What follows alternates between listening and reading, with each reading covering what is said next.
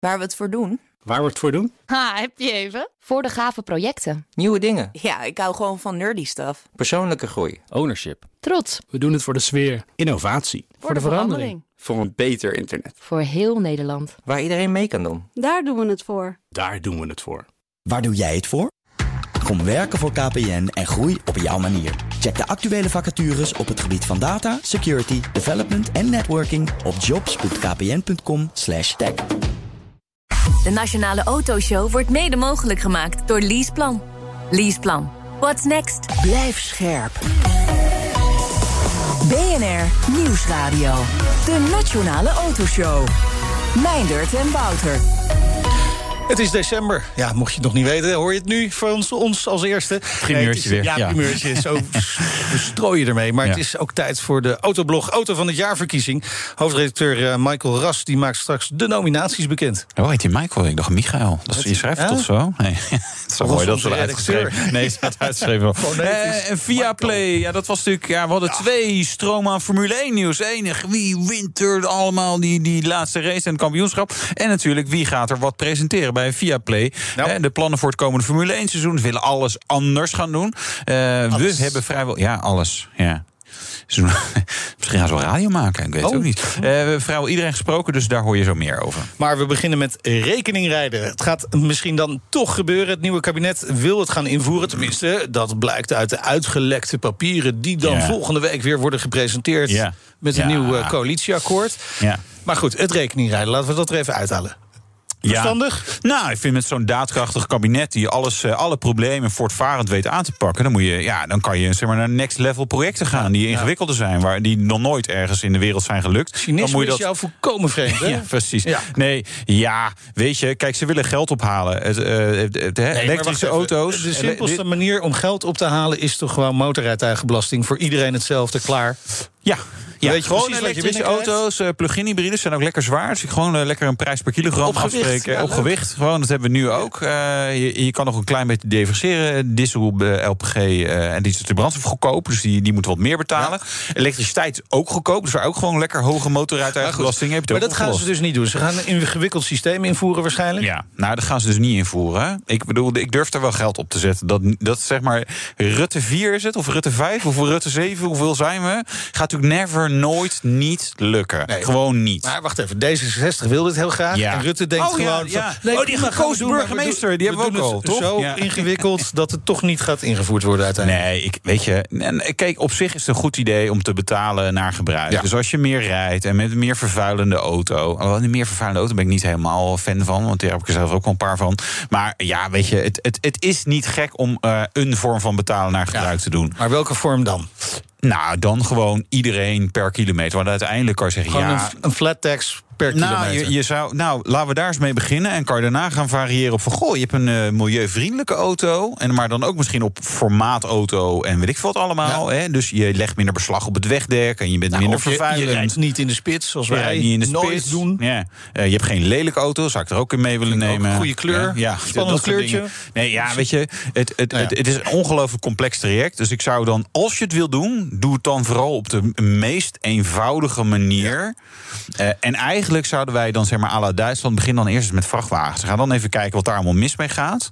Eh, en dan denk je, oh, nou, dan kunnen we het misschien ook voor eh, normale Nou, auto's gaan invoeren. Begin volgende week weten we meer, want dan wordt het coalitieakkoord verwacht. En eh, zullen we ook horen hoe ingewikkeld of simpel ze het willen maken. Ja, precies. We gaan eh, zo praten met de topman van Dealer Holding, Emiel Vrij, Nederland. Maar eerst even aandacht voor de Dealer Holding Top 60 van Automotive Management. Adjunct hoofdredacteur Bart Kuipers hier in de studio. Welkom, leuk dat je er bent. Goedemiddag. Niet met de auto gekomen. Nee, ik woon hier om de hoek, dus ik ben lopend. Jongen, jongen, jongen. Is wel We hadden redelijk- gewoon een parkeerplaatsje voor je gereserveerd. Wel hè? redelijk random dat het de top 60 is en niet, weet je, waarom? Het is altijd top 40, top 50, top 100, top 10. Nou ja, top 50 en top 100 waren er al. Oh ja, precies, ja, dan, dan maar iets anders. En dan ga je dus voor de top 60. En daar komt nog bij dat er is ook ongeveer wel een scheiding bij plek 60. Ja. Ja, zeg maar alles wat tussen 1 en 60 staat, zijn echt hele serieuze dealerbedrijven. Ja. Maar daaronder kom Ja. je toch al snel nog bij de papa en mama bedrijven. Ja.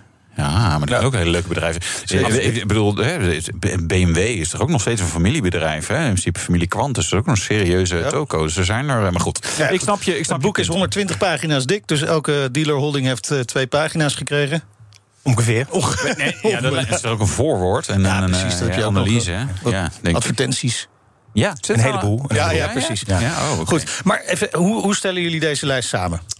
Nou, dat is best een lang proces, want we beginnen er al in september mee. En we vragen eigenlijk gewoon bij een 75 dealerbedrijf, waarvan wij inschatten dat het de grootste zijn, vragen we gewoon al hun gegevens op. Een, een, hele, een hele dataset vragen we op. Ja. Variërend van eh, gegevens van vorig jaar, maar ook al met de gegevens van dit jaar. Dus wij vragen gewoon in september en oktober al: kun je even aangeven hoeveel auto's je dit jaar gaat verkopen? Ja. En zou je ook eventueel al willen aangeven op welk financieel resultaat je gaat uitkomen? Ja, ja. En, en controleer dat dan ook achteraf. En dat je denkt, nou, daar, daar waren ze weer, die mensen die een fantasie uh, Die positivo's. Ja. En Uiteraard. En het grappige is, eh, althans ik vind dat dan toch wel grappig, dat niemand geeft een te hoog resultaat op bij Nee? zijn schatting. Nee, want ze weten dat ze daar het jaar daarop Ja, ja. ook op afgerekend worden. Dus het is eigenlijk vaak nog iets voorzichtig, eh, of aan de voorzichtige kant. Oké. Dus dat is goed om te weten als we het lezen. Dat we denken, nou, deze gaat nog wel beter. Dus we kunnen... Hè? Nee, Ja, er is dit jaar natuurlijk wel iets aan de hand. Wij vragen Ja. in september al aan Ja. bedrijven... geef even door als je wil hoeveel nieuwe auto's je gaat verkopen. Ja. En toen dachten ze nog, hé, hey, dit worden er 10.000. Ja. En toen hoorden ze een paar weken geleden of een paar maanden geleden van... Hmm, weten niet zeker of alles gaat komen. Nee. Dus bij de aantallen zullen er wel links en rechts wat auto's wegvallen. Maar we hebben daar niet meer voor gecorrigeerd. Oké. oké. Hoe- en Wat, wat is het algemene beeld? Is dat het heel goed gaat? Ja, het algemene beeld is dat, er, dat dit jaar voor de, de grote dealerholdings eh, in financieel opzicht echt veruit het beste jaar in hun eh, bestaan is. Eh, voor heel veel verschillende holdings. We hebben van 42 bedrijven hebben aan ons al doorgegeven waar ze verwachten op uit te komen dit jaar. En dan zie je dat de winsten gewoon twee, drie keer zo hoog zijn als in de afgelopen jaren. Is echt topjaar geweest voor eh, veruit de meeste grote dealerholdings. En Waardoor komt dat nou? Want je zou denken, slecht leverbaar, eh, de occasions duurder, weet je, allemaal moeilijk, moeilijk, In moeilijk. het begin van het jaar zijn de showrooms dicht geweest. Ja, ja. Nee, je, je zou inderdaad denken dat het een heel moeilijk en moeizaam jaar eh, voor dealerholdings is geweest. Maar er spelen een paar dingen. Eh, De eerste, en dat is denk ik wel de belangrijkste, is dat de bedrijven gewoon steeds professioneler worden. Eh, De, de, er is inmiddels een enorme consolidatieslag gaande geweest. Dus die bedrijven worden groter en hebben ook gewoon beter management. Daar komt dan bij dat schaalvergroting heeft al die bedrijven de afgelopen jaren heel veel geld gekost. Want zij moesten die netwerken opruimen. Dat kostte gewoon heel veel geld. Ja. Maar nu beginnen ze ook eh, de vruchten daarvan te plukken. En dat zie je dit jaar eh, zeer zeker. En er komt dan nog bij dat die schaarste er ook wel toe leidt... dat gewoon per auto, occasions en nieuw... gewoon meer marge gemaakt wordt. Ja. En ja, als jij ook nog een leasemaatschappij in je holding hebt... dan heb je extreem hoge restwaarden. Eh, Dan zitten er ook echt wel plussen aan die eh, corona-min, zeg maar. Ja. En maar betekent dat voor leasemaatschappijen dan ook dat, als ze een leasemaatschappij hebben, dat ze dan over drie, vier jaar, dan, dan is het allemaal weer lastiger. Nu was het duur inkopen, minder korting, weet je, dat, dat daar dan weer over een paar jaar wel weer een klap op komt. Voor leasemaatschappijen geldt sowieso dat ze natuurlijk ook wel allerlei eh, problemen hebben nu. Want Ja. ze hebben gewoon te weinig nieuwe auto's. Dus ze moeten hun klanten, hun eh leaserijders ook eh, tevreden, tevreden houden. Ze kopen nu duur, duur in. Ja. Maar wie zegt dat over drie, vier jaar er wel ehm, zeg maar een overcapaciteit weer is in de markt? Het zou kunnen, maar deze Ja. problemen, deze leveringsproblemen kunnen ook nog heel lang aanhouden. Even over onze gast van vandaag. Hoe doet Emiel Vrij het? Amy Fry doet het eh, uitstekend. En zeker ook, eh, zeker ook in Nederland. En ik denk, maar dat kunnen jullie daar ook beter zelf vragen... dat dat nou typisch een voorbeeld is van een bedrijf... dat echt profiteert van schaalvergroting. Ja. Want ze hebben de afgelopen jaren enorm eh, veel bedrijven moeten kopen. Of althans moeten kopen, gekocht. Veel geld gekost, werden nog aan alle kanten beconcurreerd. Maar die concurrentie neemt nu af. Die bedrijven zijn gekocht. Dus nu kun je langzaam maar zeker eh, gaan profiteren. Ja, ik zat in even door het lijstje te kijken van Emo Vrij. En denk, oh wacht, ja, oh ja, ja, ja, oh, die hebben ze natuurlijk ook overgenomen. En je vergeet het ook weer snel, hè, want wij horen natuurlijk van al die dealerholdings. Maar goed, ehm, ja, we gaan naar. eh, Ja, de, de man die daar allemaal Ja, mee man. bezig is. De Simon man, ja. Voorzitter van de Raad van Bestuur van eh, Emiel Vrij Nederland. Dealer van 14 automerken. Lid van het bestuur bij het moederbedrijf. Grootste dealerholding van Europa. Nou, nou, welkom. Ja, graag, eh, graag gedaan. Ik ben er graag. Ja, en als we Bart mogen geloven, hebben jullie een fantastisch jaar eh, op dit moment. Eh, we hebben zeker een goed jaar. En ik denk dat, dat we met z'n allen geleerd hebben... dat schaarste in basis leidt tot verbetering van marges. Ja, nou, laat maar maar ik- even doorduren dan. Uh, nou ja, wat dat betreft misschien wel. Maar ik denk dat we ook zien, en ik denk dat dat ook heel belangrijk is, dat de grote dealerholdings de afgelopen jaren uh, vol ingezet hebben, ook op gebruikte auto's. Dat is voor ons echt een, een hele belangrijke uh, poot geworden. En ik deel ook de mening van Bart dat ehm, zeg maar het, de vergroting van het netwerk, de schaalvergroting, absoluut in ons voordeel spreekt. En dat voordat je die werkelijk kan benutten, je ook kosten moet maken om dat voor elkaar te krijgen. Ja. Maar, dus... maar, even eerst naar die marktomstandigheden van dit moment. Ja. Want die zijn blijkbaar dus een veel minder groot probleem dan men had kunnen vermoeden. Ja, dan we zelf wisten misschien zelfs ja. aan het begin. Hè. Kijk, had kunnen verwachten ook ja, wel. Wat ik heel interessant vond, hè, want we zijn natuurlijk begonnen het jaar met dichte showrooms. En wat gebeurt er dan? Uh, wij hebben met dichte showrooms in die eerste, wat was het, ruim twee maanden, hebben we 85% van normale volume verkocht. Zowel nieuw als gebruikt. En het grappige is, wat je ziet, is dat klanten weten heel goed hè, de weg via het internet te vinden. Maar als ze dat dan kunnen doen, hè, want daar komen dan de leads binnen. Maar als ze dat dan kunnen doen met een partner die ze kennen, waarvan ze weten dat hij er echt is, die al een nou ja, betrouwbare naam heeft, ja. dan kopen ze ook makkelijk online. Ja. Dus wij zagen eigenlijk dat, ik zou haast zeggen, de, de, de, de verbinding tussen kliks en briks, juist in die periode eigenlijk hartstikke goed werkte.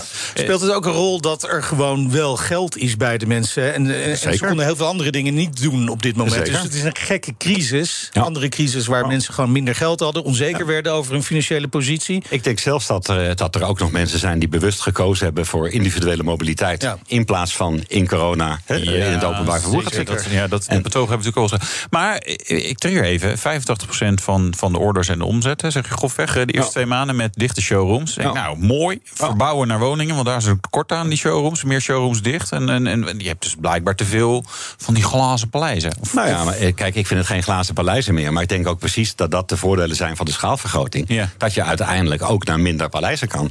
En ik denk als je, uh, als uh, je het Bart zou vragen en hij zou kijken naar het gemiddelde volume per uh, vestiging. Bart dan gaat is al het, in het die gaat al, die gaat al bladeren. Ja. Aan het maar, eind van de uitzending heeft hij het gevonden. Ja. Ja. Nou, het, is heel, het, is, het is wel het is echt grappig dat wij. We bestaan deze maand 25 jaar. Dus wij zijn met ons jubileumnummer aan het terugblikken op. Hoe was het dan 25 jaar geleden? Ja. En we dachten ook, we gaan kijken per merk van hè, hoeveel vestigingen hadden ze toen, hoeveel dealervestigingen, hoeveel dealervestigingen hebben ze nu en wat heeft dat dan gedaan met de verkoop per vestiging? Maar ja, wat krijg je dan? Dat er in uh, eind jaren 90 gewoon bijna 600.000 auto's verkocht werden. En nu 300.000. Ja, precies. Het wordt Ah, een hele, hele maar, maar draai het om. Hè? Dan, als we naar onszelf kijken. Eh, ik denk eh, tien jaar geleden hadden wij eh, evenveel vestigingen. En nu doen we met diezelfde vestigingen de dubbele omzet. Dus er is wel groei geweest. Hè? En eh, het is op een andere manier gegaan dan, eh, dan we misschien met z'n allen verwachten. Maar er gaat per vestiging op dit moment meer dan dubbele doorheen. Oh ja, ja, ja. Maar, maar hoor. dat, dat is ook wat, wat Automotive eh, Management schrijft, hè, Bart. Wat jullie schrijven is dat eh, Emiel Vrij dit jaar gewoon koning consolidatie is. Nog meer dan andere dealerholdings eigenlijk. Nee, dat klopt. Als je gewoon kijkt in de, de overgenomen omzet, Ja. dan is er eh, eigenlijk niemand eh, die in de buurt komt, zelfs van Mossel dit jaar niet, bij, eh, bij Emiel. En dat bij zegt wat. Vrij. Zelfs Van Mossel dit jaar Ja, die niet, zijn in Nederland Simon. natuurlijk wel vrij vergaand klaar. hè? Ja. Ja, is dat zo? Is, is, is, die zijn klaar en dan, nou, nu, Maar nu er kan helemaal vrij? Nou, er zijn misschien een paar dingen die belangrijk zijn. Hè. Kijk, allereerst is het doel nooit de grootste te zijn. Nooit. Het doel is de beste te zijn. En dat klinkt makkelijk, dat weet ik wel. Alleen. Nou, eh, ik beste vind ik moeilijker dan de grootste. Eh, ja. maar eh, het beste houdt nooit op, hè, dat streven. En de grootste, dat heb je op een gegeven moment bereikt. En dan Ja. word je misschien wel... ehm, kijk, wij zijn, wij zijn op dit moment natuurlijk de grootste dealerholding in Europa, hè, by far. Ik weet niet hoeveel maal groter we zijn dan de nummer twee. Maar Ja, zijn jullie ook de beste? ja, ik denk het wel. en ik denk eh, een hele stabiele onderneming. Man ook, hè, Nou, hè? Ja. Ja. Over- overigens, dat is ook nog wel leuk, over familiebedrijven eh, te spreken. Wij zijn natuurlijk een 100% familiebedrijf. hè. Ja. Er is gewoon één eigenaar, hè? Ja. Eh, meneer Vrij. En eh, met eh, ongelooflijk veel bezieling voor, voor de automotive, maar vooral ook heel veel ondernemerschap. En dat legt hij ook heel laag in de organisatie neer. En eh, wat een punt is bij Emiel Vrij, kijk, heel veel mensen in Nederland kennen natuurlijk Emiel Vrij niet. Hè? Dat is Nee. simpel. Maar is dat eigenlijk erg? Kijk, wij willen vooral dat je onze merken kent. Hè? En of het dan Ekers BMW is, hè, Pauw Volkswagen, Nefkens Peugeot. Hè, dat is voor ons veel belangrijker. Want het gaat niet om onze naam. Het gaat erom wat er bij de klant gebeurt in de stad. Maar, maar dat gaat dus ook niet veranderen, want we zien dat bij Van Mossel veel meer gebeuren. Hè? Ik Ja. wil niet de hele tijd over jullie concurrent praten, maar Nee, dat- het dat gaat- is echt een merknaam aan het worden. Dat precies. gaat bij Emiel Vrij dus niet gebeuren? Nou kijk, wij zijn echt heel erg, ik zou het haast zeggen, merkvriendelijk. Maar dat kan ook bijna niet anders, want wij zijn niet alleen dealer. Maar we zijn natuurlijk in vele landen ook gewoon importeur. En uh, wij willen echt, wij, wij staan voor merkenscheiding. Hè? Dus je krijgt bij BMW die BMW-beleving. Je krijgt bij het merk die beleving. We willen dat echt zo, uh, zo houden. En dat kan niet anders uh, in ons geval. En dat is ook niet erg, want wij geloven daar, daar gewoon in. Het heeft ook nadelen hoor. Want wat ik zelf bijvoorbeeld af en toe als nadeel ervaar, is als je medewerkers wil aantreffen, aantrekken, sorry, dan, dan heb je natuurlijk met één naam, is het in een aantal gevallen ja. makkelijker. Hè? Dan weet je meteen waarna je solliciteert. Dus wij zullen misschien toch wel vanuit employer, ja, zeg maar van aantrekkingskracht op medewerkers, toch wel iets meer de naam Emil Vrij gaan branden. Maar in de dealerbedrijven zal het gewoon blijven okay, zoals het nu maar, doen. Maar zit daar dan ook een van jullie uitdagingen om dat personeel te vinden? Uh, nou, sowieso is het denk ik in de hele branche op dit moment een uitdaging ja. om de juiste mensen te vinden. En het stomme is, we weten met z'n allen dat uh, after sales gaat veranderen. En, maar we hebben op dit moment in de werkplaatsen echt uh, moeite om goed technisch personeel ja. Ja. te vinden. aan de andere kant weten we dat over een aantal jaren door de elektrificatie de after sales terug zal gaan lopen. Hè? Dus het is ook best wel een lastige spagaat. Ja, maar het aantal auto's groeit nog. Het wagenpark groeit Hier, nog dus, steeds. Ja, en dan wordt en, onderhoud wordt minder. Maar ik, ja, ik, ik met elektrificatie heb ik eigenlijk altijd gedacht van ja, weet je, de onderhoud is sowieso altijd vriendelijker geworden. Ja. Weet je, vroeger moest je kleppen stellen en carburateurs doorsmeren, weet ik wat je Eens. allemaal moest doen. Ja. Dus het, het, ja, en daar zitten grote stappen in, maar nou ja, goed, er zitten veel onzekerheid. Laten we het zo zeggen. Um, ik, ik, qua Bart wil even wat zeggen. Bart, Bart wil, mij. Heeft opgezocht. Ja, nee. Ik, ah. Kijk, wij vragen al die 60 bedrijven die in de top 60 staan, vragen wij van wat zijn nou jullie uitdagingen voor de komende jaren? Ja. En daaruit nog meer dan de korte termijn leveringsproblematiek die er is, is gewoon het vinden van goed personeel. Ja. Want ze snappen allemaal, dat willen ze ook de slagen maken die nodig zijn de komende jaren. Hè. De elektrificering, ze worden straks van retailer agent, wat echt een ander model is. Er komen allerlei mobiliteitsconcepten. Dan heb je gewoon hele goede mensen ja. nodig. En die zijn heel lastig te vinden. Maar, maar, slaan jullie dan ook de handen in elkaar met de dealer holdings om te zorgen dat die opleidingen bijvoorbeeld zich aanpassen aan jullie wensen? Zeker. En ik vind dat we daar in de branche eigenlijk ook al heel veel aan doen. Ja. En uh, er is natuurlijk uh, op dat gebied uh, heel veel contact met de opleiders. Direct contact. Er zijn dealer holdings die geven gastcolleges. we hebben lesklassen. We hebben e-learning platforms, et cetera. We proberen er echt alles aan te doen om die mensen verder te ontwikkelen. En ik vind dat we daar op zich ook goed in slagen. Maar uh, het is best wel eens lastig, hè? Want als je soms, uh, nou, je komt van school en je leest dat de automotive, dat alles verandert, et cetera, et cetera, kies je daar dan voor. Ja. En wij moeten ervoor zorgen dat die automotive aantrekkelijk blijft. En dat we ook mensen echt helder maken dat er ook nog over 10 jaar, 20 jaar, 30 jaar een automotive maar, maar is. is. dat niet juist door die elektrificatie en computerisatie, zou ik maar zeggen, van, van de automotive, dat dat juist weer heel erg aantrekkelijk kan worden? Ja, zeker. Want je ziet ook een groep, groep mensen die dat nodig. juist leuk vindt. Ja. Hè? je hebt een, je hebt eigenlijk, ik zou zeggen, nog twee soorten monteurs. Nerds heb je nodig. Uh, je hebt nu eigenlijk uh, mensen die, nou ja, inderdaad op het gebied van elektronica uh, zich onderscheiden. En straks krijgen we daar nog waterstof bij, et cetera. Dus het wordt ja. toch weer interessant en uitdagend. Ja, maar ik denk wel het nadeel. Het wordt een soort groepsdiscussie nu. Hè, maar kijk, Tesla, daar weet ik van. Dat sommige mensen willen gewoon heel graag bij Tesla werken. Want dat is een heel ja. gaaf merk. Maar als ik dan nou, hè, in jullie rijtje merken kijk, denk ik, ja, dat is allemaal traditioneel. Ja, ze hebben allemaal wel wat elektrische auto's. Maar dat voelt wel een beetje als de, de, de oude wereld bijvoorbeeld. Maar dat weet ik niet hoor. Dat is uiteraard, uh, ja, dat kan jij vinden. Maar als ik kijk naar een Ioniq 5 bijvoorbeeld, hebben we dan ook Hyundai die er. Nou, met alle respect, hè, ik vind dat echt een topauto. En volgens mij is het de eerste auto in Nederland die ook terug kan leveren, et cetera. Um, als ik kijk wat, wat Audi elektrisch doet, als ik kijk wat er aan BMW-kant gebeurt, als ik ook kijk wat er nu bij Peugeot gebeurt, hè, bij Stellantis. Dus ik, ik ben het niet maar, maar met je eens. Kijken hoor. jullie wel naar die nieuwe merken, of is daar echt geen poot tussen te krijgen? Nee, zeker is daar een poot tussen te krijgen. En zelfs heel goed zelfs. En um, wat er gebeurt, hè, er staan natuurlijk ongelooflijk veel Aziaten staan toch aan de deur van Nederland te kloppen. Ja. Ze willen ook vaak in uh, Nederland beginnen, omdat dat toch een soort Ja. springplank naar Dus Europa welke, is. welk merk gaan jullie uh, aan Dat ik je hier eh, niet eh, vertellen, maar dat had je ook niet verwacht. Dat is het Nou, goede nieuws. ja, nee, wel we- gehoopt, wel gehoopt. Dat was de primeur geweest. Maar ehm, kijk, één ding hebben we wel geleerd de afgelopen, ja, ik zou aan zeggen maanden nog, hè, want eh, het is juist echt eh, hartstikke, ja, hoe zeg ik dat, eh, actueel. Wat de Aziaten brengen, Oké. is toch van hoge kwaliteit inmiddels. Hè? Dus we moeten het wel daar zoeken. In Een wereld van Het is verschil. niet dat eh, eh, Rivian eh, bijvoorbeeld. eh, bij Ik, ik moet eerlijk zeggen dat eh, eh, ik ben eh, minder, eh, eh, hoe zeg je dat, eh, autogek dan jullie wellicht. maar ehm, ik zie daar toch nog steeds eh, een soort pick-up truck die elektrisch. Ja. Ik geloof niet dat dat voor Nederland ehm, het, maar ze willen hier een fabriek neerzetten. Ja. Ik begrijp ook niet waarom, maar ja. Ja. Maar Simon, die elektrische merken die opkomen uit China, Ja. een aantal daarvan zou wel zomaar de merken die jullie nu voeren eh, kunnen gaan verdringen van de markt. je moet maar hopen dat de fabrikanten waar jullie mee werken allemaal overleven. Ja, volledig eens. Alleen ik heb daar uh, wel vertrouwen in. Hè. Uh, dat, zo zit ik er ook, ook in, anders zouden we het niet doen. Ja. maar dat de markt zich anders verdeelt, dat is helder. Maar heel eerlijk is met Tesla ook gebeurd. Tesla is gekomen en dat was toch een, een, een gamechanger.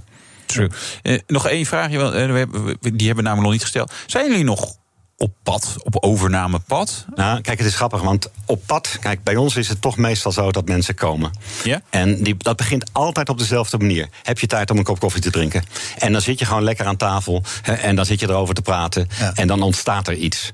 En dan kijk je of je bij elkaar past. Maar je zal het ook zien, de bedrijven die wij kopen zijn over het algemeen allemaal familiebedrijven. Hè? En die, de, daar is die aansluiting bij ons natuurlijk veel groter. Hè?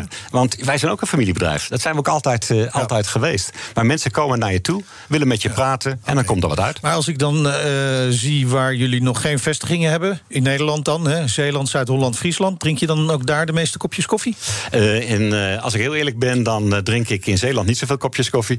maar daar is de autodichtheid relatief laag. Ja. Je hebt om een goed retailbedrijf te draaien echt volume per vestiging ja. nodig. Ken wel leuke familiebedrijven die daar zitten. Ja? Ook met in de auto's. Ja. Ja. Nou, geef wat tips straks na afloop. Ik ben heel, ben heel benieuwd. Bart, tot slot even naar jou. hoe ziet de toekomst van de dealer holdings eruit? Als je, jullie er zo met jullie expertise naar kijken? Er gaan er een stuk of, ja, ik denk tussen de 50 en 100 overblijven. En die hebben de komende 5 tot 10 jaar ook een prima boterham te verdienen. Maar ja, hoe de wereld er over 10 jaar uitziet, dat durven zelfs wij niet, nee. niet te voorspellen. Nee, dat weten alleen de Chinezen. Dat denken ze. Ja, precies. En de Russen. Zo die hebben dat gepland ja, met twee. Ja, precies.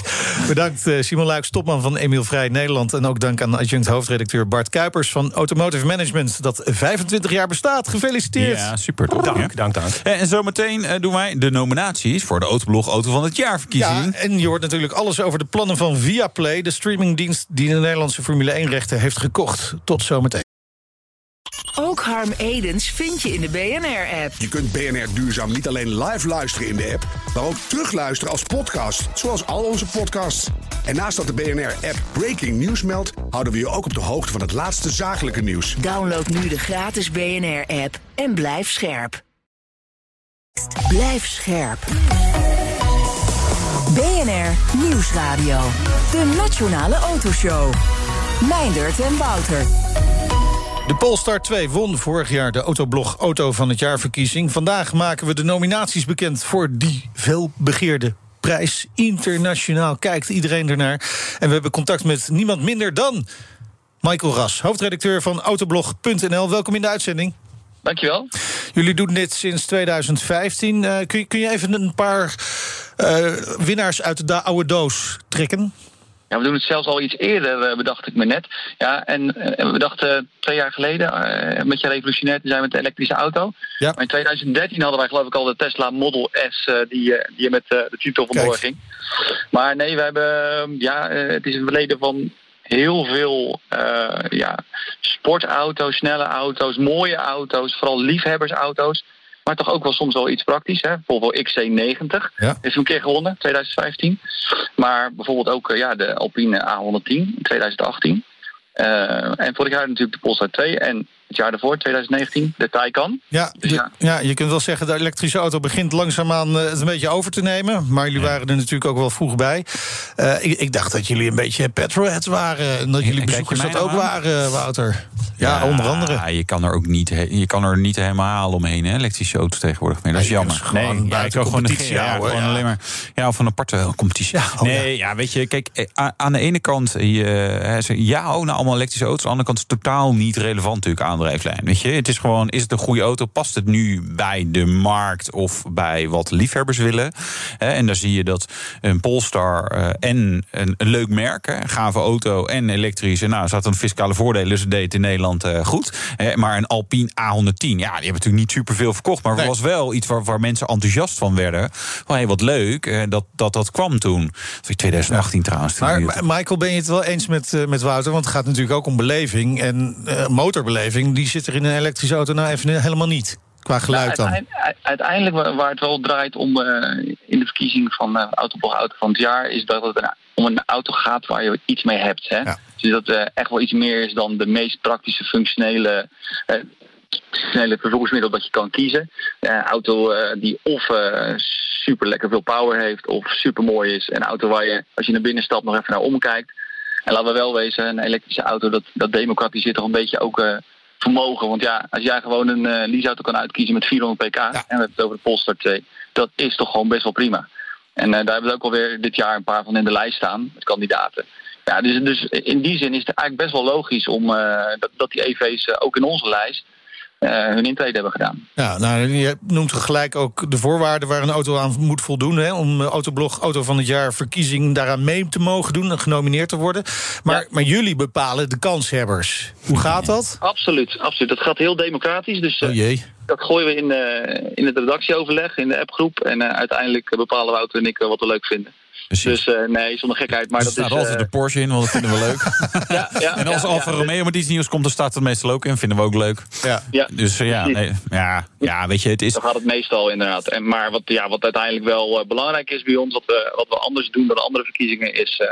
we maken een, een lijstje eigenlijk vanuit het hoofd en uit het hart. Maar vooral met auto's die echt dit jaar dan nieuw waren. Ja. En ook dit jaar op de markt kwamen. Juist. Daarom is het misschien opvallend dat de mensen in het lijstje zometeen de Ford Mustang Mach-E zien. Hè? Een auto die we allemaal in 2020 uh, voorbij zagen komen in testen en Ja. in video's. Maar die was echt pas, dat weet Oké. iedereen die hem zakelijk mocht rijden, dit jaar leverbaar. Nou, nu heb je er dan toch al één genoemd. Laten we dan even naar de nominaties gaan. Het zijn negen auto's.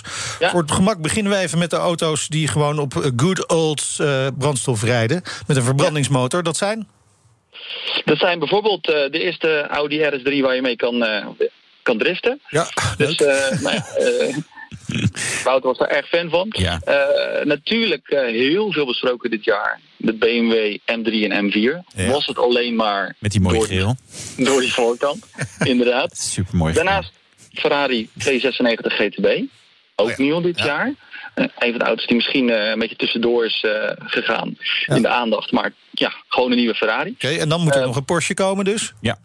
Ja, ja, ja, je voelt hem aankomen inderdaad. En dat was wel kiezen, want je kan natuurlijk gaan voor de hè, nieuwe Cayman eh, Ja. GT4 RS. Eh, maar, maar wij gingen voor de GT3 Touring. Oh ja. Dus gewoon een 911. Gewoon voor, Gewoon. gewoon voor de Dat afwisseling. het kan. Ja, Ja, ja, lekker precies. hoor. Ja. Oké, maar dat zijn dus vier auto's met een verbrandingsmotor. Betekent Ja. dat er vijf elektrische auto's op de lijst staan. Je noemde al de, de, de Ford Mustang Mach-E. Dat is dan gewoon de Mach-E, niet de GT? Ehm, ja, of- inderdaad. Ja, ge- gewoon, eh, gewo- gewoon de Mackie. Eh al was het maar dat wij, eh, omdat wij niet met de Mackie GT nog hebben gereden. Oh nee? Oh ja, Nee. ik wel. Ja, ja. Ja, ja, ja, ja, wel. Streepje voor bij Ford. Zit ook bij Nee. mijn. Nou goed, de, de gewone Mach-E dan. Wel- Welke zitten er verder tussen? Ja, daarnaast eh, twee auto's die bij heel veel lease-rijders bovenaan het lijstje stonden. Van ja, kan ik hem dit jaar nog rijden? Eh Ioniq 5 Mhm. van een Hyundai. En ja, zijn broertje, Kia EV6. Oh ja. Ehm, viel mij ook op, eh, EV6. Ik wist het niet zo goed qua styling, maar ja, Wouter kwam erg eh, enthousiast terug van, de, van, de, van de presslaunch daarvan.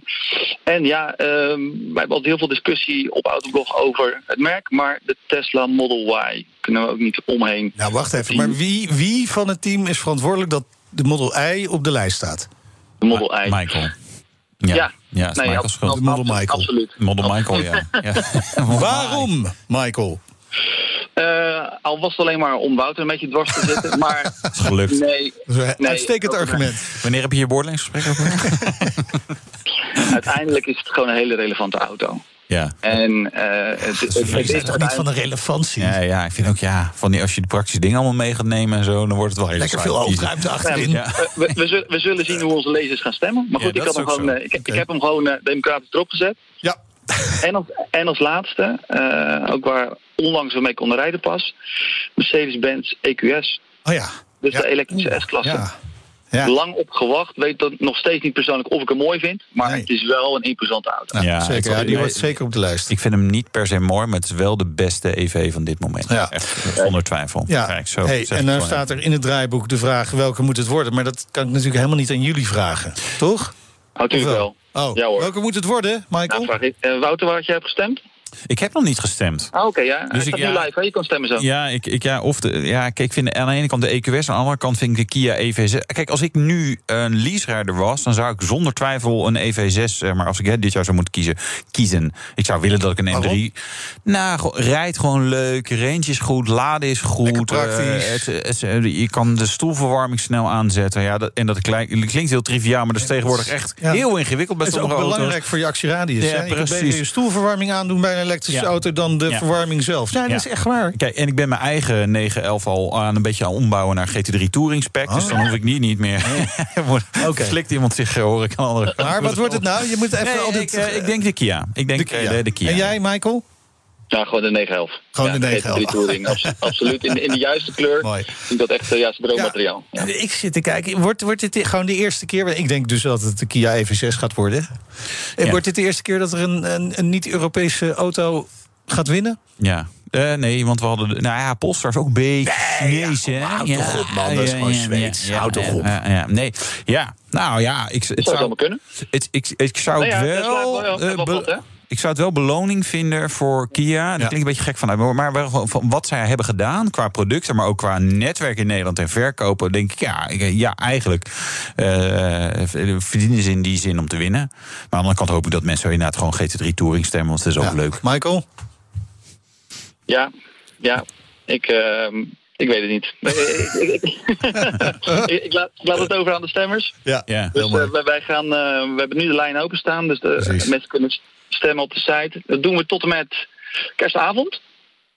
En volgens mij uh, kom ik dan bij jullie in de uitzending ja. 31 december. 31 de, december, de stemmen ja. kan nu tot met kerstavond. kerstavond. Ja, absoluut. Via autoblog.nl en dan 31 Precies. december, laatste uitzending van dit jaar, maken we de winnaar bekend. Nemen wij uh, vanuit Autoblog uh, de, de oliebollen en de champagne mee? Lekker man. Toch? Oh, ja, dat moet ik zeker doen dan. Ja, ja. dat mag jij regelen. Schrijf hem op. Mooi. Dankjewel Michael. We zien je dan. Graag gedaan. Hoi, hoi. hoi, hoi. BNR Nieuwsradio. De Nationale Autoshow. Ja, dit is het weekend van de ultieme finale natuurlijk. Maar deze week ging het ook over iets heel anders, namelijk Viaplay. Ja, maar als die als, uh, ja, weet je, afhankelijk van de uitslag hoef je niet meer te kijken volgend jaar, toch? Dus dan uh, maakt het allemaal niet meer uit. Want dan heb je, hem een keer, heb je hem een keer binnen en ja, dan, dan is het klaar. ga je een andere sport zoeken. Ja, precies. Ja, Lekker kijken. Ja, precies. Ja. Uh, Viaplay, de, de streamingdienst die de Nederlandse uitzendrechten voor Formule 1 heeft gekocht, maakte deze week de plannen bekend voor het volgende seizoen. Hè. Nou, even de belangrijkste punten. Abonnement kost 14 euro per maand. Dus 168 euro per nee, jaar. 13,99 euro. Oké, okay, dan halen we de 12 cent ervan af. Ja. Zit je nog nee. steeds op uh, 187 67 euro, nog wat. uh, krijg je dan wel veel meer voor dan alleen Formule 1. Hè? Namelijk ook series en andere sporten. Voetbal, darts. Ja, jee. KPN en Ziggo bieden via Play aan. Als add-on, daar moet je dus wel extra voor betalen. Ja. Uh, wat vind je ervan, Wouter? Nou, ik, ik had uh, gehoopt en gedacht dat ze iets budgetvriendelijker zouden instappen. Dit, dit is wel. Dat is echt serieus geld. Ja, nee. Dat is natuurlijk helemaal niet serieus geld. Ik bedoel. Uh, 14 euro per maand? Nee, maar 160 euro. Daar kan, kan ik één keer voor tanken. Nee, ja. Maar, ja, weet je. Nee, dus maar... ja, dan heb ik, weet je hier, daar heb je zoveel meer. Nee, maar even, even naar de Nederlandse markt kijken. Hè. Historisch ja. gezien, uh, diensten waarvoor je moet betalen. Uh, dat is meestal over voetbal gegaan. Hè, dat je, en, en dat hebben we eigenlijk nooit willen doen voor sport. Wel voor, voor zoiets als Netflix. Nou, daar betalen Disney al een heleboel mensen voor sport bij, bij, bij Ziggo en KPN. Gewoon voor Eredivisie en dingen. En ik, ik zit even te denken, wat heb ik aan streamingdiensten? Ik heb Amazon. Amazon Prime. Ik heb Netflix, ik heb Disney Plus. Ik Videoland, heb uh, Videoland. Ja, heb ik ook toevallig. Ja, die proef ik moet. Echt, jij bent ook zo'n sukker die voor elke commercial valt. Gewoon, oh, nieuwe streaming. Nee, nee, ja, nee, maar. nee, ik, ik zat wel te denken. Ja, ik heb ook nog Spotify. Dat ja, is volgens mij. Ik moet er, kan er wel weer eentje inderdaad af. Omdat ik, nee, ja, weet je. Ja. Maar ga, je gaat er dus voor. Nou, je moet op een gegeven moment wel gaan denken. Van, kijk maar als je er 4, 5 hebt. En uh, zijn allemaal zeg maar, afgerond een tientje per maand. Ja, het is wel serieus geld. En kijk, Ziggo, uh, als je natuurlijk abonnement hebt, je betaalt natuurlijk ook een beetje voor de Formule 1. Dus dat gaat ja. eraf. Dus ik verwacht uh, dat Ziggo in de lucht komt. Van nou jongens, het wordt een tientje ja, goedkoper. Ja, grapjas. Ze zijn net wat duurder geworden volgens mij. Maar goed, dus worden okay. ieder jaar duurder. Ja, maar je kunt ook bijvoorbeeld gewoon een abonnement nemen op F1 TV. Yes. Ik weet even niet uit mijn hoofd wat dat kost. 65 euro per jaar. Nou, ja, dat scheelt dus 100, Ja, het 100 scheelt- euro bespaard. scheelt 100 euro. Ja, maar dan kunnen we meer niet zelfs. naar Amber Brands eh, kijken. Amber. Amber. Amber. En niet naar Tom Ja, Coronel nee, en ja. Guido van der Garde. Dat- en eh, die Ja, hebben allemaal meer. Dat, dat is wel een belangrijk deel, hè, want ze kiezen voor een groot deel voor nieuwe mensen. Geen Olaf Mol meer, Nee, bijvoorbeeld. Jammer. Nee, ik vond het altijd heel sfeervol, maar inhoud was ver te zoeken. En Jack? Jack, ook soort van sfeervol, maar inhoud was ook ver te zoeken. Een, een frisse wind, goed? Ja, nou ja, ik, ik denk het wel dat je het wel anders. Laat zo zeggen. Zoveel geld had ik sowieso niet voor de Ziggo-mensen betaald. Sorry, Ziggo-mensen. Ik vind ze echt schattig. Maar eh, ik, ik vond het erg inhoudloos geworden. Het was allemaal. Nou, eh, nou Max, Max wordt het. Max, als, ja, vond, Ja? vond, ja, vond Nou ja, echt. een- een- vond ik jammer. Ja, een opvallende naam die er natuurlijk niet tussen zit is Robert Doornbos bijvoorbeeld. Die vond ik inhoudelijk dus wel echt Ja, wel beter. heel sterk. Ja, Ook die- iemand die echt in een Formule 1-auto heeft gereden. En weet hoe het is. Ja, niet aan de kop misschien, maar... Nee, nee, ook niet heel veel races natuurlijk uiteindelijk. Maar goed, nee, maar hij heeft wel gereden. Ja, die wordt heel druk natuurlijk met een eh, Porsche-dealer in eh, Rotterdam. Ja. Eh, tenminste, dat denk ik. Ja, inmiddels ben ik een beetje in de war. Want hij was wel heel erg aan het open solliciteren en klagen over dat hij niet eh Ik kon. heb vermoeden dat hij nog wel ergens opduikt. dat zou zo Ergens kunnen. bij Ja. een omroep die samenvattingen gaat doen. Ik weet het niet zeker. Maar Ja, ja. nou heeft hij niet zelf gezegd hoor. Nee, Dus, eh, oké, dus gewoon. eh, eh, Nout Broek, ja, ik verzin het inderdaad. Nout Broekhoff, onze redacteur, die blijft gewoon bij ons. Gelukkig. Tenminste, voor Ja, zover we niet, weten. ja. Nee, je weet het niet. Oh, oh, ja, ja. Hij sprak wel daar verschillende hoofdrolspelers, waaronder Marco Zwaneveld, Head of Sport bij Viaplay Nederland.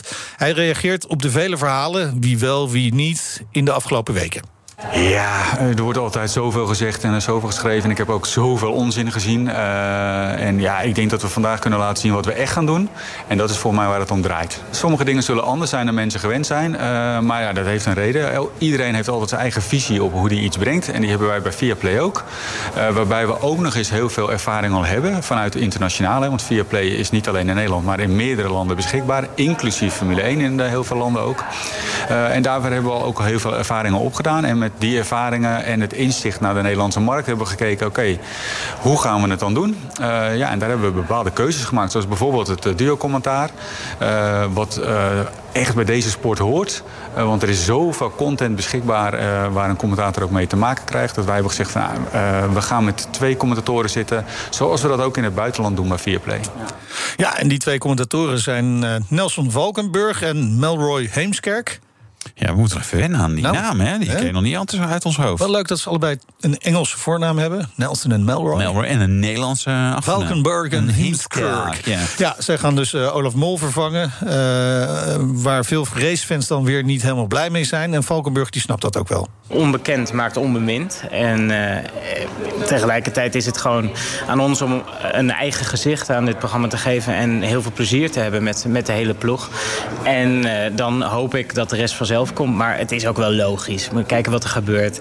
Het is 30 jaar bijna. En, en wij zijn net zo goed als het kijkerspubliek opgegroeid uh, met hoe de situatie is. En nu wordt al, alles anders. Maar ja, dat is hoe de wereld is. Hè. De wereld verandert.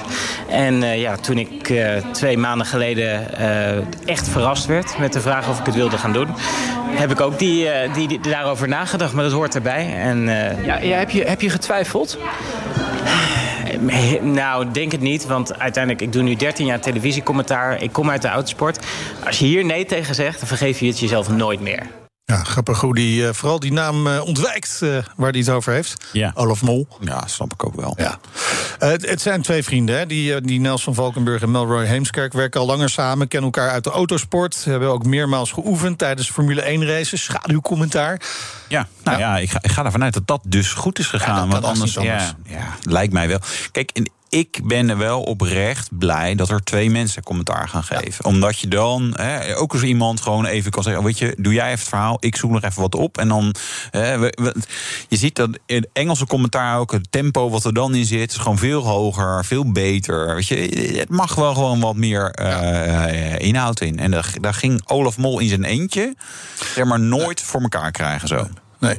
nee, en dat in de analyse is natuurlijk, daar hebben we dan weer andere mensen voor. Uh, Laten we zeggen, Doorn Bos deed dat wel heel erg goed, vond ik. Ja, ja, absoluut. Ja. Uh, is ook vriend van de show, laten we eerlijk zijn. Dus ja, hier maar we hebben alleen maar vrienden, toch? natuurlijk ook alleen maar. nou, nee, kijk, weet je, ik ben natuurlijk best kritisch op de, op de Ziggo-mannen. En, maar eh, weet je, het vind ik lullig voor hen dat het, dat er het stopt. Behalve voor Tom Coronel, ja. daar gaat het weer dan voor door. ja. Zeg maar. Ja. Uh, commentatoren die krijgen ondersteuning van een nieuwe pit reporter. Coureur Stefan Cox. Dochter van Peter Cox. Ja. Eh, zij wordt eigenlijk de nieuwe Jack Ploy. Uh, de vraag aan haar ook of ze getwijfeld heeft om dit te gaan doen. Want ze heeft natuurlijk geen ervaring in dat, op dat vlak. Twijfel misschien niet zo, maar natuurlijk denk je daarover na. Hè? Want, want je stelt je natuurlijk toch open voor een bepaalde publieke opinie. Maar aan de andere kant, racen is onze passie. En, en, en ieder heeft zijn eigen verhaal daarin. Maar ik ben opgegroeid op het circuit. En ik vind het heel leuk dat ik dadelijk hopelijk dat goed over kan brengen naar de kijker. En dat heeft voor mij de doorslag gegeven dat ik dacht, nou ik ga dit gewoon doen. En uh, ik, ik grijp het met beide handen aan. Ja, weet je, als je het niet probeert, dan weet je het ook niet. En, en nogmaals, ik voel me ik, ik, heb al een beetje voor tv gewerkt en dat voelde soms misschien zelfs wel een beetje onwennig. Maar op het circuit voel ik me zo thuis dat ik denk dat ik, dat ik daarin dan ook snel thuis raak. Um, dus ik denk dat het in die zin misschien niet zoveel uitmaakt. Ja, ze gaat dus de interviews doen en dan is het op zich wel handig als coureurs je ook een beetje kennen. Een aantal ken ik wel. Ik, en, en niet alleen coureurs, ook, ook wel natuurlijk, net zoals Nelson en Melroy, ook wat, wat mensen uh, die binnen teams werken of binnen de organisatie. Um, en een aantal coureurs zeker ook. Dus ik denk wel uh, dat als ze mij daar zien staan, dat ze, dat ze een praatje komen maken. En, en dat komt natuurlijk altijd ook wel je gesprek ten goede uiteindelijk, denk ik. Dus ik ken me echt niet allemaal. Maar ik hoop dat dat niet te lang duurt voordat ze me wel allemaal kennen. Nou, het nieuwe gezicht is ook presentatrice Amber Bransen. Uh, is dat Amber of Amber? Volgens mij is het Amber. Oh, we kunnen het aan haar oom vragen. Ja, heeft, ja ik, vind, maar ik vind wel dat een aantal van deze Carlo dames en heren... Ja, weet, weet ik Van ik- ze moeten, ja, maar die moeten een keer even bij ons wel door... van joh, ben je wel een beetje autoliefhebber en zo. Dan moeten we wel even, moet even door ons worden doorgestaan. Op een vriendelijke manier. Goed, maar uh, Hè? dus het nieuwe gezicht, presentatrice Amber Bransen. Amber, ik noem maar. Wordt leuk als ze hier langs komt. Ja, precies. Eh, heeft zin in het eh, nieuwe avontuur. Een overstap is natuurlijk altijd spannend. En iets nieuws opbouwen is spannend, maar het is vooral ook leuk. Ehm, eigenlijk is eh, eh, het is grenzeloos. Alles wat wij bedenken en waarvan wij als team nu eh, denken dat gaat werken, dat is goed voor de kijker, dat is interessant. Dat kunnen we gaan doen, dat kunnen we gaan proberen. En daar kijk ik vooral heel erg naar uit. Ja, ze wil ook echt haar eigen stempel op de uitzending gaan drukken. Ik hoef mijn gevoel niet uit te schakelen. Sport is emotie. En dat is ook voor de presentator uh, zo. Uh, natuurlijk, ik ben de vragensteller. En ik moet de vragen stellen uh, waarvan de kijker het antwoord wil hebben. Dus die vragen zijn dan gericht aan mijn analisten en de mensen in de paddock. Um, maar ja, als, als ik een bepaald gevoel ergens bij heb, kan ik dat ook kwijt bij de analisten. En die kunnen dan zeggen, nou, dat is terecht of niet terecht. Of bekijk het eens zo. Um, en eigenlijk daarmee maken we voor de kijker natuurlijk inzichtelijk wat er nou uh, daadwerkelijk gebeurt op de baan en, en buiten de baan. Ja, de NOS, waar zij natuurlijk vandaan komt, hè, die gaat de Dutch Grand Prix uitzenden. Dat wel. En, en mag ook samenvattingen laten zien van een kwartier. Kijk. Ja. ja. ja. Dus daar is weer ruimte voor. Want ze hebben natuurlijk Jan Lammers daar als analist. Ja, we hebben genoeg uh, coureurs en andere mensen die, die een mening hebben, op zijn minst, over Formule 1. Soms hebben ze ook echt iets nuttigs te melden. Dus dat, is, dat is ook wel prettig. Nee, ja, weet je, daar, ongetwijfeld uh, van, van de mensen die overblijven, zullen er wat de overstap uh, maken naar NOS. Wellicht. Ja. en, en of andere. Platforms. Ja, ja, ja precies. vaste analisten bij Viaplay, Christian Albers, Tom Coronel en Guido van der Garde. Goeie keus. Ja, Tom verbaasde me misschien wel het meeste. Maar ik ken Tom ook al wel een tijd. Die, die, ja, die, weet je, die, hij is gewoon super enthousiast natuurlijk. Dat, en hij doet altijd goed zijn netwerkwerk, zeg maar. Weet je? Ja, dat is gewoon okay. iemand die dat gewoon wel zorgt voor contact. En het, weet je, dus dat is, weet je. En ik, ja, ik ben benieuwd. Christian Albers vind ik altijd wel leuk. Ja. Guido van Garde, die, die is, ja, is gewoon een degelijke commentator. Zeker. Het, het moet, de som moet meer zijn uh, dan de delen. Ach, dat, mooi. Ja, dat We gaan het zien. Maar eerst dit weekend natuurlijk de ontknoping van het Formule 1 seizoen. De strijd om de Formule 1-titel was nog nooit zo spannend. Wordt het Max Verstappen of toch Lewis Hamilton? Mis niks van de ontknoping met live analyses tijdens de race. Luister zondag om half twee naar BNR. Jeetje van de stemmen. Nou, wie is dat? Geen idee. Nee. Maar goed, uh, aanstaande zondag half twee uh, op BNR volg je live de Formule 1.